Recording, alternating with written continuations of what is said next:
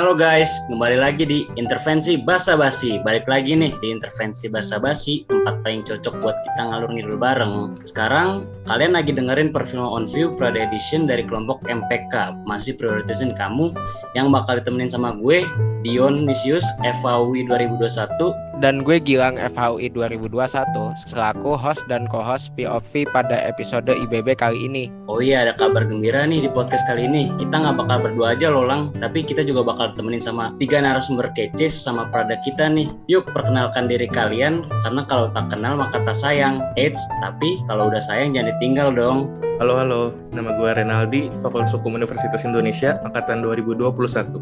Halo semuanya, kenalin gue Clarissa, FHUI Angkatan 2021. Halo, gue Dila, FHUI Angkatan 2021. Nah, pada Personal Parade Edition episode kali ini, kita bakal ngomongin tentang pengalaman yang pasti relate banget sama kita ini. Penasaran banget kan? Nah, POV kali ini bakal ngomongin tentang reflect. Nah, reflect ini sebenarnya apa ya, Yon ya? Menurut gue itu reflect itu suatu hal yang tanda bahaya yang lu nggak sadar, padahal lu harus putusin hubungan itu sendiri sih, Lang. Kalau lu? Kalau dari yang gue tangkep, reflect itu kayak sesuatu yang membuat hubungan kita dengan seseorang itu bermasalah atau membuat kita waspada gitu Yon. Nah, daripada basa-basi lagi, kita lanjut aja kali ya tanya ke narasumber tentang red flag itu sendiri. Nah, boleh banget narasumber Renaldi. Menurut red flag itu apa sih? Menurut gue sendiri sih, red flag itu suatu tanda yang menandakan kondisi bahaya sehingga tidak bisa dilanjutkan lagi atau lebih baiknya untuk dihindari. Benar banget, red flag itu identik dengan kata bahaya. Kalau lu Clarissa gimana? Nah kalau red flag itu menurut gue kayak, kayak penanda gitu sih kayak yang host sama co-host bilang tadi juga Renaldi juga bilang kalau orang itu nggak cocok sama kita bahkan menunjukkan kalau kita nggak perlu melanjutkan hubungan kita tersebut. Jadi sebelumnya menurut gue red flag itu sendiri bagi setiap orang-orang itu juga beda-beda gitu. Benar banget. Selain bahaya identik dari red flag itu penanda gitu. Nah kalau lu gila gimana? Um, sebenarnya gue sependapat sama kalian semua. Red flag itu kayak warning. Nah tambahan dari gue tuh menurut gue red flag itu kalau nggak kita stop ini dari sekarang akibat terbesar itu bisa berpengaruh negatif. Gue setuju nih sama pendapat kalian bertiga tentang apa arti dari red flag itu sendiri kita kan udah dengar apa itu red flag menurut teman-teman narasumber kita. Sekarang gue pengen nanya nih, apa sih penyebab atau alasan kenapa ada red flag dalam kehidupan kita sehari-hari? Kita mau gila dulu coba. Ini kalau versi gue aja ya setiap orang kan punya pola pikir ego karakter yang beda-beda nih. Jadi dalam setiap hubungan tuh pasti beda nggak mungkin gak ada yang sama. Sebenarnya alasan dari red itu sendiri tuh variatif. Bisa aja jawaban gue sama Ren itu beda. Tapi yang paling utama tuh pengaruh psikis sama keadaan psikis dan keadaan lingkungan ya kalau Karisa bagaimana kalau penyebab kayak yang uh, gue sama Dila bilang tadi, orang-orang tuh punya preferensi dan karakternya masing-masing ya. Jadi beda-beda banyak faktor penyebabnya. Suka ini belum tentu orang lain suka. Menurut kita baik, belum tentu menurut orang juga baik. Itu juga sih sebaliknya. Jadi dari situ ada deh si red flag ini di kehidupan kita. Wah, jadi kalau red flag itu memang sesuai atau tergantung dengan orang dan tempatnya masing-masing gitu lah ya. Nah, habis kita dengerin tentang penyebab dari terjadinya red flag itu sendiri, nah lanjut boleh bagi nggak sih tanda-tanda dari red flag itu sendiri itu bagaimana gitu? Boleh banget Renaldi. Untuk tanda-tanda red flag itu bisa seperti kekerasan verbal atau fisik, kecanduan narkoba atau alkohol, atau suka berbohong, bahkan untuk hubungan khususnya seperti orang yang memiliki riwayat selingkuh atau emosian dan orang yang suka menang sendiri. Nah, kalau lu Dila gimana? Tanda-tanda atau bentuk atau perbuatan yang udah termasuk dari red flag itu sendiri? Kalau menurut gue tuh awalnya red flag banget dari silent treatment. Silent treatment kan sering banget terjadi di sekitar kita. Itu konteksnya bukan cuma pacaran aja ya. Tapi temennya juga bisa. Dia tuh sering banget denial atau nggak mau komunikasi. Karena kita tuh nggak tahu mau ngomong apa. Atau nggak jadi kita masih hidup. Padahal kalau kita mendem terus dan nggak mau komunikasi itu bisa jadi depresi gue juga setuju banget sama pernyataan dari Dila kalau denial sama suatu hal yang berulang-ulang itu bakal jadi tanda dari refleks itu sendiri. Lanjut nih Lang. Nah gue pengen nanya lebih dalam nih. Dari teman-teman sendiri nih kalian pernah merasakan pengalaman pengalaman atau punya cerita dari teman yang berkaitan dengan red flag ini enggak sih? Coba dari Karisa ada nggak kalau pengalaman pribadi gue bentuk red flag yang gue alamin itu lebih kayak sikap kasar orang ke orang lain sih. Pengalaman gue itu dilakukan sama teman gue sendiri. Gue awalnya kayak nggak sadar kalau kita berantem sampai kayak gulat gitu di lantai literally di tengah kelas gitu udah gak bener. Walaupun kita waktu itu masih ketawa-ketawa tapi udah nggak sehat berantem-berantem gitu di depan teman-teman yang lain. Dan sekarang baru sadar bahwa itu tuh bentuk dari red flag dan emang gue sekarang sama dia nggak berteman dekat lagi karena kelakuan kasar-kasar yang dia lakuin dulu sampai pernah ngerusakin barang gue gitu sih pengalaman gue Naldi ada cerita sendiri nggak soal red flag? Dari pengalaman sekitar gue sih, itu biasanya orang yang memiliki riwayat selingkuh di hubungan sebelumnya punya kecenderungan untuk melakukan selingkuh lagi, selingkuh lagi, dan berulang seterusnya. Biasanya sulit sih untuk berubah orang seperti itu. Wah, kalau dari yang kita dengar-dengar nih, pengalamannya nih berjuta rasa ya. Maksudnya banyak sekali dari pengalaman-pengalaman yang tadinya kita anggap itu biasa-biasa aja, ternyata adalah sesuatu yang termasuk ke dalam red flag. Nah, kita kan udah lihat nih, atau kita udah dengar dari cerita teman-teman nih terkait red flag. Nah, ada nggak sih cara untuk mengatasi red flag versi dari teman-teman nih, dimulai dari Dila? kalau misalnya gue awal-awalnya tuh kita komunikasi dulu di TV tapi ngomongnya tuh jangan pakai emosi ya terus kalau tetap aja nih dia masih kayak gitu juga mendingan cawa aja sih pergi aja Clarissa ada kiat tersendiri gak buat mengatasi masalah bila ada flag yang terjadi gitu? Kalau cara mengatasinya, kalau menurut gue ya, kalau udah ada yellow flag atau tanda-tanda awal yang kurang masih dini lah. Itu udah perlu hati-hati sih. Bisa juga negur atau kita kalau misalnya negur pas masih kayak yellow flag ini sih menurut gue masih ringan. Jadi harusnya gampang berubah orangnya. Kalau udah red flag sih kita tegur benar-benar dan biar nggak ada orang lain juga sih yang jadi korban. Dan kita berdua atau kita yang mengalami dan pelakunya tuh bisa menjadi pribadi yang lebih baik kalau udah ditegur. Kalau nggak berubah ya hindari sih menurut gue. Nih kalau cara mengatasinya kan banyak nih Yon ya. Nah kalau lu ada mau yang nanya lagi nih Yon? Ini mungkin pertanyaan terakhir ya. Berdasarkan pengalaman hidup kalian, pengalaman yang telah kalian ceritakan tentang flag itu sendiri, bagaimana sih sikap kalian terhadap flag itu sendiri? Apakah setuju atau enggak? Atau bagaimana pendapat kalian tentang cara menyikapi terhadap flag itu sendiri? Kalau dari gue kita tuh harus waspada. Walaupun pengaruh buruk memang selalu di sekitar kita tapi gimana caranya jalan ngontrol ngantisipasi intinya ngejauhin apa pun yang menurut lo buruk. Boleh banget nih Renaldi lanjutin. Kalau menurut gue kita perlu waspada dengan red flag ini tapi gak boleh jadi harga mati karena seperti yang kita tahu manusia bisa aja berubah. Nah terakhir Clarissa sikap terhadap red flag itu sendiri gimana tentunya gue nggak setuju ya dan perlu waspada karena red flag ini sendiri artinya big no gitu loh. Jadi kayak bener-bener nggak bagus. Jadi kita bisa mungkin kita hindari dan juga kita introspeksi diri. Apakah kita juga sendiri punya red flag itu biar nggak merugikan siapa pun gitu sih? Nah, thank you banget nih atas semua pertanyaan yang udah dijawab pada topik kali ini yaitu red flag. Lang, sebenarnya sesi podcast kali ini yang bisa kita tangkap tuh apa ya sih, Lang? Nah, kita bisa nangkep nih On banyak informasi nih dari teman-teman kita nih. Pertama kan red flag itu adalah sesuatu yang membuat big no-no atau sesuatu yang menimbulkan ketidaknyamanan gitu. Penyebabnya nih bisa macam-macam, tapi dari jawaban teman-teman kita ini nih penyebabnya ini terbagi menjadi dua, yaitu dari kondisi kejiwaan masing-masing orang dan juga lingkungannya. Terus ada lagi tanda-tanda dan pengalaman-pengalaman red flag yang dialami oleh teman-teman kita ini nih cukup beragam ya. Dan cara mengatasinya itu sendiri adalah tentu dengan menyikapinya dengan baik-baik dan kemudian apabila momen red flag itu tetap dilakukan ya kita lebih baik menjauh. Kurang lebih seperti itu Yon. Ada lagi nggak Yon kalau menurut tuh? Gak ada sih menurut gua apa yang udah lu jelasin tuh cukup banget. Nah terakhir banget nih, makasih banget untuk semua narasumber yang udah nyempetin diri untuk hadir, yang udah memberikan insight-insight baru, terutama tentang red flag itu sendiri. Nah, gue, Dion, dan teman gue, Gilang, selaku host dan co-host pada intervensi bahasa basi episode kali ini, pamit undur diri. Jangan lupa buat ikutin media sosial Perfilma di Instagram at Perfilma FAW dan juga di Spotify yakni Perfilma on View. Perfilma, we are the media. Halo guys, kembali lagi di intervensi Basa Basi. Balik lagi nih di intervensi Basa Basi, tempat paling cocok buat kita ngalor ngidul bareng. Nah, kenalin, gue Tabina yang bakal memandu sesi dua kali ini. Gue juga ditemenin nih sama temen gue. Kenalan dong. Hai guys, gue Safa, FHUI 2021 yang bakal nemenin Tabina nih di sesi kali ini.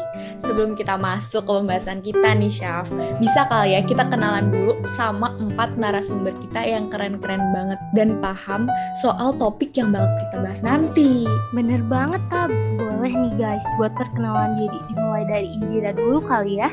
Hai guys, kenalin gue Dira FHUI 2021. Halo guys, gue Gani FHUI 2021 juga. Gue Bening dari FHUI 2021. Halo guys, gue Suci juga dari FHUI 2021. Wih, keren-keren banget nih. Teman-teman kita, langsung aja kali ya. Setelah dengerin dari obrolan sesi yang sebelumnya, kali ini kita bakal bahas yang lebih dalam lagi tentang red flag yang dinormalisasi. Gimana tuh, Tab? Maksudnya apa nih? Nih ya, nih ya, kalian pernah tahu nggak sih, pasangan tuh ada yang overprotective, terus sampai ganggu privasi masing-masing gitu. Padahal hal semacam itu tuh udah masuk ke ranah red flag yang harusnya tuh kayak bisa ditinggalin dan itu tuh udah hubungan yang gak sehat gitu. Ih, menarik banget gak sih, Tab? Gue suka nih bahas yang kasmaran kayak gini. Tapi setahu gue nih ya, Tab, beberapa kejadian dari temen gue nih, hal yang kayak gini tuh dianggap hal yang romantis tau, Tab.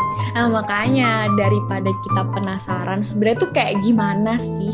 Kita tanya langsung aja kali ya ke narasumber kita yang pastinya nih mereka tuh udah berpengalaman banget soal masalah kayak gini. Iya, bener banget nih. Hai hai, menurut kalian gimana nih? Sebenarnya wajar gak sih kalau dalam hubungan kita menormalisasikan red flag ini? Sabi banget nih dari Bening, gimana nih jawabannya? Menurut gue pribadi sih, red flags tuh sekarang udah kayak normal banget gitu di antara kalangan kita-kita karena di hubungan-hubungan kita di kehidupan sehari-hari, gue tuh nemu banyak banget temen-temen gue yang sebenarnya tuh banyak red flags gitu di hubungannya, tapi mereka masih lanjut aja gitu. Jujur bener banget sih Bening. Gue juga banyak banget temen yang kayak gitu. Boleh nih langsung aja. Dani, gimana nih jawaban dari pertanyaan gue tadi? Kalau misalnya kita pikir pakai akal sehat nih, yang namanya ada red flag aja tuh nggak wajar. Gimana kalau misalnya kita menormalisasi tuh lebih nggak wajar lagi. Wah berarti udah nggak wajar lagi. Nah bahas masalah nggak wajar sama wajar tadi, sebenarnya tindakan apa aja sih yang masuk ke dalam red flag tapi biasa dinormalisasi sama pasangan-pasangan gitu?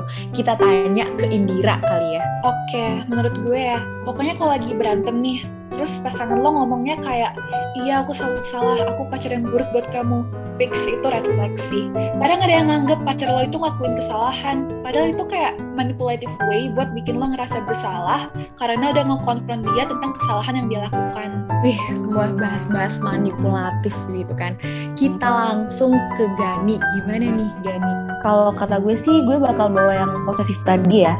Kalau di teman-teman gue nih, bahkan tuh ada temen gue yang cerita kalau misalnya dia tuh bingung kenapa nggak diposesifin. Padahal sebenarnya kalau menurut gue pribadi, ya lo tuh nggak perlu diposesifin. Kayak, kayak misalnya lo saling percaya aja tuh udah cukup, nggak perlu sampai yang posesif kayak sampai pegang Instagram atau bahkan temen gue tuh ada yang uh, sampai tukeran laptop gitu. Itu buat apa?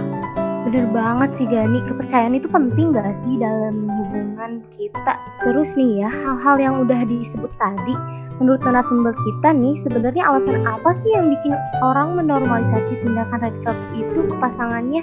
Kita mulai dari bening kali ya. Kalau dari pengalaman teman-teman gue sendiri sih biasanya tuh hubungannya udah lama gitu loh guys. Jadi kayak biasanya dia udah pacaran dari kayak SMP gitu.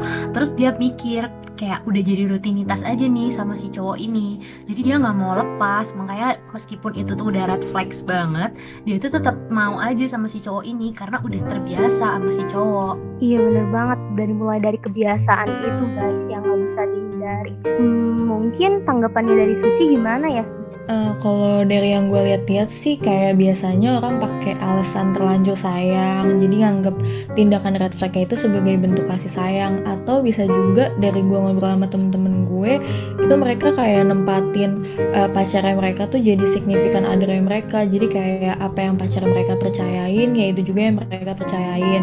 Terus ada juga beberapa temen gue yang punya konflik keluarga dan akhirnya mereka tuh nganggep pacarnya itu kayak satu-satunya orang yang ngedengerin mereka. Jadinya mereka takut kehilangan pacarnya dan akhirnya kejebak dalam hubungan toksik itu sendiri deh Duh, bahas-bahas masalah udah terlanjur sayang, keluarga, kayak gitu tuh udah tingkatnya udah tinggi banget deh. Nah, kapan sih kira-kira tindakan red flag itu masih bisa ditoleransi buat diperbaiki? Dan kapan juga? Kayak gitu tuh udah harus diselesain aja deh. Kayak hubungannya kayak buat apa gitu? Kita tanya ke Gani kali ya. Gimana nih Gan? Menurut lo gimana Nah, kalau kata gue sih ya mendingan lo dengerin aja sih apa kata temen lo. Pastinya kan sebelum lo menjalin suatu hubungan lo tuh cerita sama temen-temen lo. Kalau misalnya nih udah terlanjur lagi yang mengarah ke ranah pribadi tadi, itu sih menurut gue udah harus lo tinggalin sih. Udah bisa ditoleransi lagi.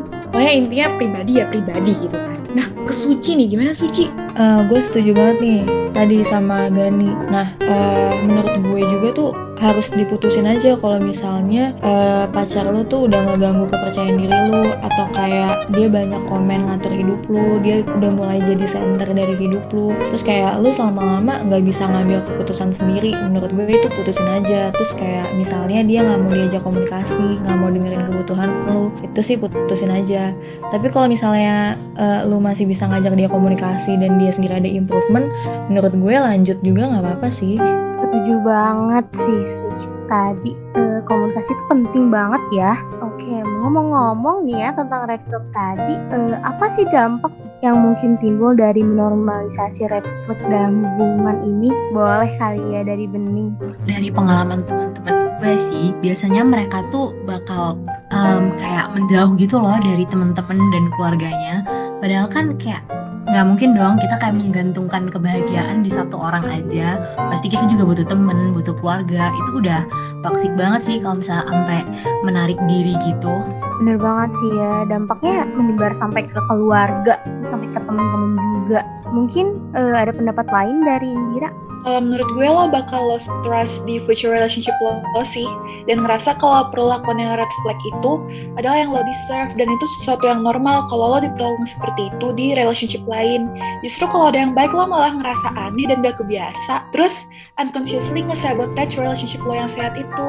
Duh, serem banget ya kalau udah bahas-bahas kayak gitu. Nih yang terakhir nih, aku butuh banget tips gimana sebenarnya masing-masing dari kalian tuh kayak mengerti gimana hubungan yang sehat itu kalau menurut gue pribadi komunikasi itu yang paling penting ya. Jadi kayak pas pacaran itu mending kesepakatan aja deh. Kayak uh, seberapa banyak lu sama pacar lu bisa saling intervensi kehidupan masing-masing bikin batasan terus tegesin batasan itu. Jadi lu kayak harus punya personal boundary sendiri sih. Terus jangan lupa buat ngehargain hidup masing-masing. Kayak pacar lu juga punya waktu me time sendiri dan punya kehidupan sosialnya sendiri. Kalau dari gue gitu sih. Berarti me time itu penting juga. Mau banget nih dengerin pendapat dari Indira. Gimana sih Indir kalau kayak gini? Hmm, kalau gue pertama komunikasi sih. Kalau ada hal sekecil apa pun yang bikin lo gak nyaman, kayak udah ngomongin aja langsung. Bisa aja kalau nggak ngomong dia juga juga mikir lo fine fine aja sama perlakuan itu. Terus kedua, pastiin lo waktu mau jalin hubungan lo, lo punya exit door, lo punya power dan self respect untuk mampu meninggalin dia kalau hubungannya udah toxic buat lo. Pastiin juga lo sayang sama diri lo sendiri lebih dari lo sayang sama pasangan lo. Nah guys, kita tadi udah ngomong-ngomong nih ya tentang mulai dari wajar apa enggak, hal apa aja yang termasuk red flag, bahkan sampai gimana caranya kita keluar dari red flag tersebut. Kita langsung aja kali ya kesimpulannya. Gimana nih tab kesimpulannya? Jadi tuh ya, dalam hubungan kita tuh harus punya komunikasi yang baik dan kayak saling memahami satu sama lain kalau misalnya nih kita nggak suka sama perilaku pasangan kita ya udah langsung kayak bilang aja kalau emang dia bukan kayak nggak bisa merubah kebaikan kita ya buat apa terus ya kita tuh kayak uh, gak bisa nggak usah manipulatif dan kayak emang kalau udah nggak cocok ya udah diudahin aja intinya aja ke hubungan biar lebih sehat gitu Oke, mungkin sekian podcast dari kami. Jangan lupa ya, ikutin terus lini masa kami di Instagram yaitu Perfilma FAUI dan Spotify di Perfilma On View. Perfilma, we are the media.